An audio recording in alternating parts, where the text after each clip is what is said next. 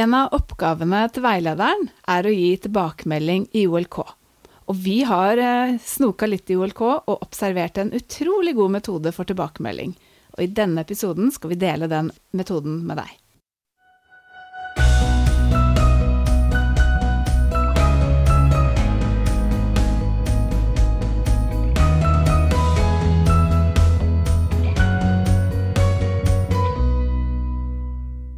Velkommen til denne episoden av Veilederbua.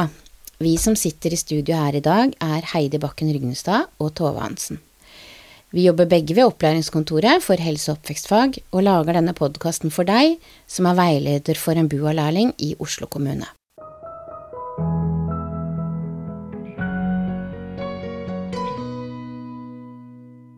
Det å gi gode og konstruktive tilbakemeldinger kan være en kunst. Og den enkleste formen for tilbakemelding til lærlinger er antagelig i hverdagen, enten en kjapp prat på kjøkkenet eller oppmuntrende ord på vei inn til en aktivitet. Likevel så forventer vi at våre veiledere skriver korte tilbakemeldinger på lærlingens dokumentasjon i OLK. Og hvorfor er det så viktig å gi lærlingen god tilbakemelding, i, eller tilbakemelding rett og slett i OLK, Heidi? Lærlingen har jo sittet og gjort et skriftlig arbeid og lasta det opp i OLK. Og det er jo sånn at læring skjer på flere områder. Først gjennom å selv jobbe med det skriftlige, f.eks. å planlegge en aktivitet. Og deretter så kommer det mye læring av å høre hva andre tenker om det man har skrevet. Så vi tenker at den tilbakemeldingen som kommer i OLK, er det mye læring i. Vi hører jo ofte at veiledere sier at de ikke syns de har så mye tid til eh, å gi skriftlige tilbakemeldinger i OLK. Hva tenker du om det? Først og fremst så tenker jeg jo at tilbakemeldingene i OLK skal være korte, for jeg vet at tiden er knapp. Og jeg tenker også at man kan bruke veiledningstimene til å snakke mer om det, utdype tilbakemeldingene og ulike synspunkter. Men vi har jo lovt å dele en veldig god metode for å gi tilbakemelding i OLK, som mm. jeg tenker er både effektiv på tid, og som er veldig konkret og lett å, for lærlingen å forholde seg til. Ja, for dette har du snakket med en veileder om?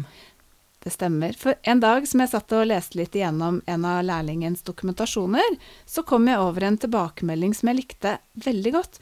Og det var ikke selve tilbakemeldingen, men det var denne metoden som ble brukt. Og da måtte jeg rett og slett ringe til veilederen og snakke mer med henne. Og så har jeg fått lov til å dele denne metoden med dere i eh, podkasten her. Veilederen, hun heter Ana, og hun jobber i en kommunal barnehage i bydel Frogner.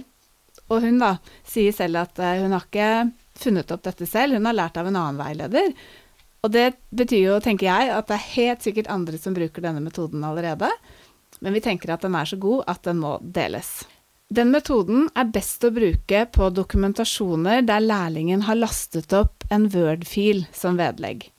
For det Ana gjør når hun skal gi tilbakemelding, er å åpne denne fila og begynne å lese.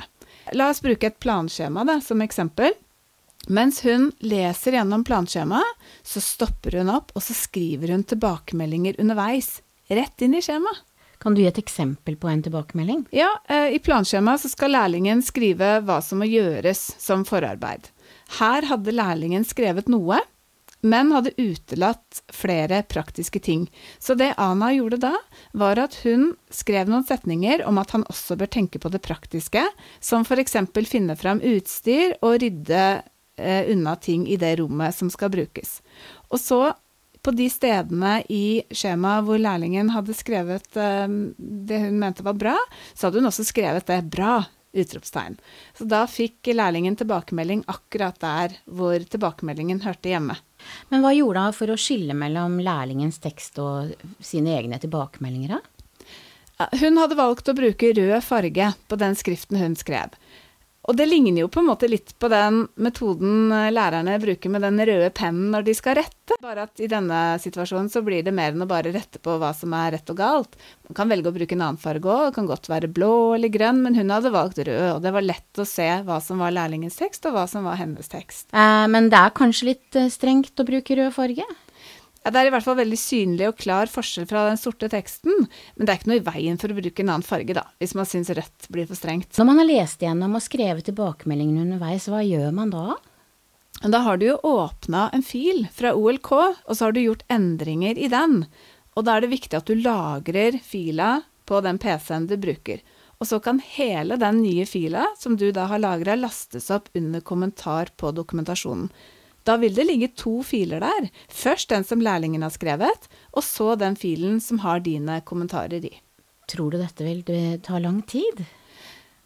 Anna forteller at det tar litt tid, eh, men at hun mener, og jeg er jo enig med henne, at det er bedre utnytta tid. Istedenfor at man skriver kanskje ti linjer, ti setninger, hvor man skriver 'der kunne du skrevet om dette, og det var bra, og det var bra', så er det altså skrevet rett inn der det hører hjemme, og det er lettere for lærlingen å se hva lærlingen har fått tilbakemelding på. Så for å oppsummere den eh, metoden her, Heidi, hva tenker du er viktig å nevne, da? Den kan brukes når lærlingen har lasta opp en fil i OLK, en Word-fil. Åpne den fila, og så skriver du tilbakemeldingene dine rett inn der hvor tilbakemeldingen hører hjemme. Når du har gjort det, så lagrer du fila og laster den opp som en kommentar på dokumentasjonen. Dette er jo kjempebra tips, fordi når du har gitt så konkrete råd som veileder, så er det så mye lettere for deg å følge det opp i etterkant òg, så dette er jo vinn-vinn. Så følg eh, metoden, og lykke til med det.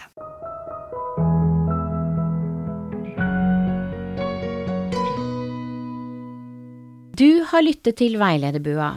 I studio i dag har du hørt Heidi Bakken Rygnestad og Tove Hansen. Du finner støttemateriell til denne episoden i OLK, og har du spørsmål eller ideer til nye episoder, ta kontakt. Husk, vi lager denne podkasten for deg.